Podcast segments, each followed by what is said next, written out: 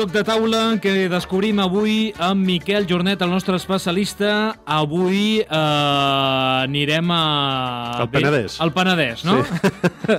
o la Rioja. Eh... O a Montsant, o vés a saber, sí. Això mateix, hi ha tantes denominacions d'origen que podíem anar a qualsevol lloc. Sí, sí. Per cert, avui són d'aquells jocs que qualsevol bodega hauria de tenir entre les seves propostes de vins, eh, tenir aquest joc. És un joc que fins i tot mm, restaurants o, que, o enoteques o coses així podrien tenir perquè té un avantatge que el pot jugar d'un a infinits jugadors. O sigui, si tu tens papers d'aquests, que pots fer fotocòpies o el que sigui, si tens mil papers, podrien jugar mil persones alhora després d'un sopar pues, podria estar bé. Home, un sopar de mil persones, estem parlant d'un sopar eh, molts coneguts, eh? Sí, bueno, de la Societat Gastronòmica del País Basc. Sí.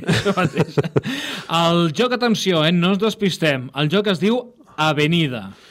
Correcte, i això I és un joc que es diu Avenida i que parla de de la recollida del raïm. De, de per la... tant, el nom... El nom està molt, mal, molt malament triat per l'editor en espanyol, que és Morapiaf, que, són, que estan a, a Portugal, fan sempre edicions en, en portuguès i en castellà, i si haguessin tingut una mica de vista, haurien, li haurien dit aquest lloc, en comptes d'avenida, que és la traducció literal de, de l'Avenue, que és com va sortir en anglès, li haurien d'haver dit Vendímia, perquè el lloc és que té la temàtica, l'art i tot per dir-se Vendímia i hauria quedat eh, de conya.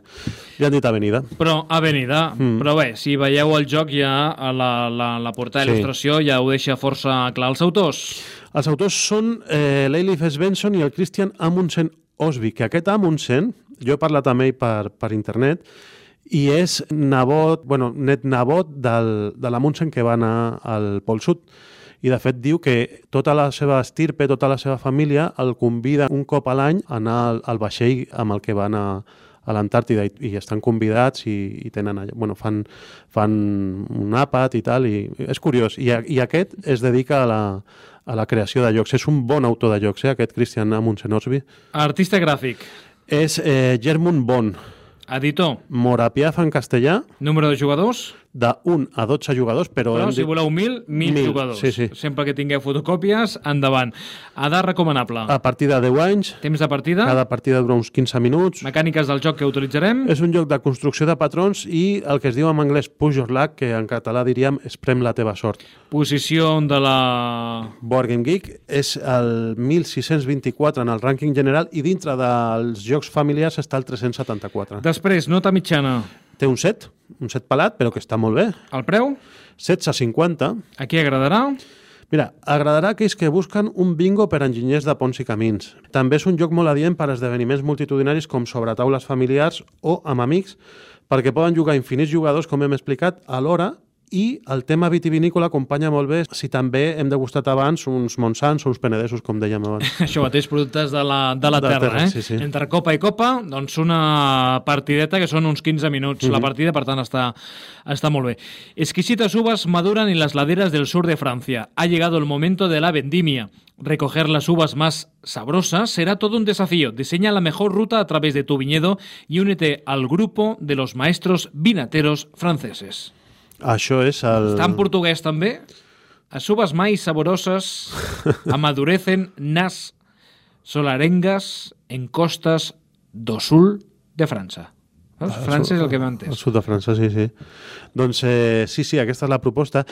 És un joc que ara s'han posat molt de moda els jocs aquests que diuen de, de llapis i paper, perquè els, eh, els tacos aquests, que són com, com depòsit, però una mica més gran, era un component que molts jocs portaven per comptar punts i es van adonar de que, hòstia, si fem un joc i que en comptes de taulers porti els papers aquests del taco de, de puntuació de punts, podria ser més barat, eh, tal i qual. I, i, ara, com s'estan editant tants jocs, han, han fet això, no?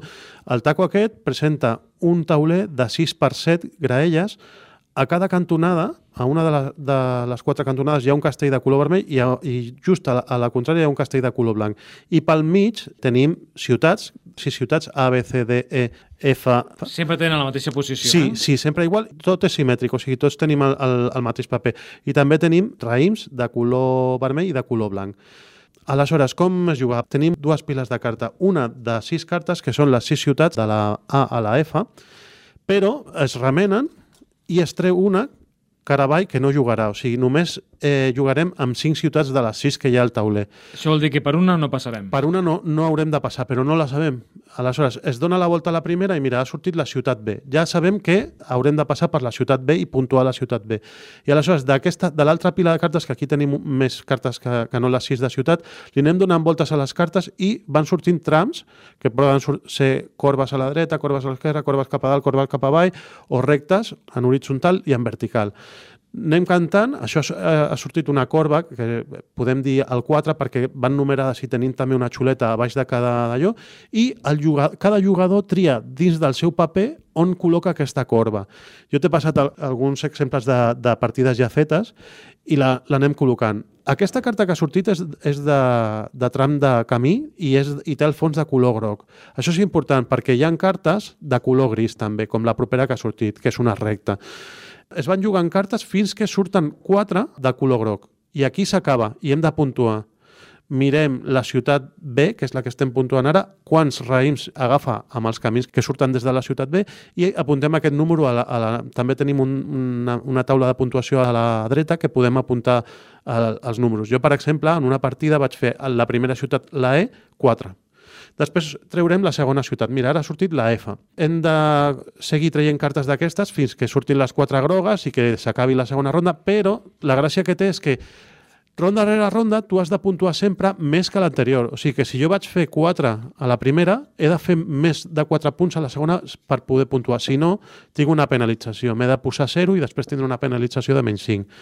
Així, així, així. I també hi ha... Eh, o sigui, es fan les 5 ciutats la gràcia de tot això és fer un camí ultraconnectat, o sigui, que, que al final totes les ciutats passin per un únic camí i, i puntuïs exponencialment, no? I després també hi ha els bonus dels castells. Els castells hi ha un de color blanc i un de color vermell que estan a les cantonades. Aquests s'han de connectar amb els raïms de color vermell i els raïms de color blanc respectivament. I això també et donarà un bonus de punts al final que et dona una puntuació final. Al final el que més punts fa és, és qui guanya i pots fer partida rere partides perquè és super entretingut. Des de Doodle City, que era un joc que va sortir de llapis i paper fa temps, no s'havien posat tant de moda els jocs de llapis i paper com ara. I ara tenim molts. O sigui, ara ha sortit Welcome to, que és un joc que portarem aquí perquè també està molt bé, que ha tret CD Games.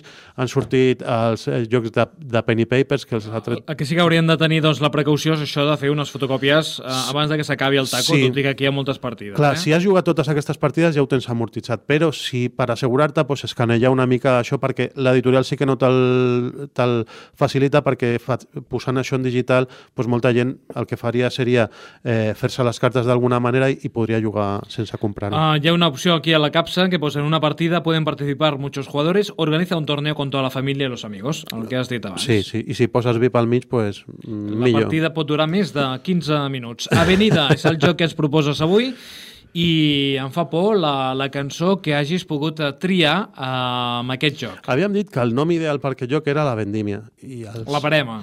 La barema, sí, mira, en català la barema. Doncs, eh, bueno, els espanyols d'abans i també els d'ara, perquè jo he tingut una companya d'escola que s'ha anat a la vendímia francesa també a treballar, perquè tot torna, eh, doncs anaven a, anaven a la barema, no? I, i quins espanyolitos eh, més importants que els de Cuéntame per, mm, per, per, exemplificar això de la, de la sí, barema. Estàs relacionant aquest joc de taula de la barema Avenida amb Cuéntame... És que tota la família es van a fer la barema i, i canten una cançó. Sí, escolteu, sí. escolteu, va.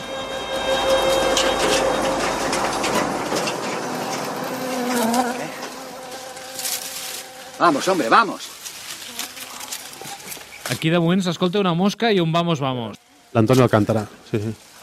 Però canten? Sí, sí, canten, canten. Ara surt el Miguel, que és el germà de l'Antonio Alcántara, i, i comença a cantar, perquè, perquè crec que és un moment de baixa motivació, i ara és quan Ravi fa tot amb la cançó, que és... Si vas a la vendimia, mi niña sola, volverás con la saya de cualquier forma y a pocos meses te rondarán el talle sandías verdes y a pocos meses te rondarán el talle sandías verdes.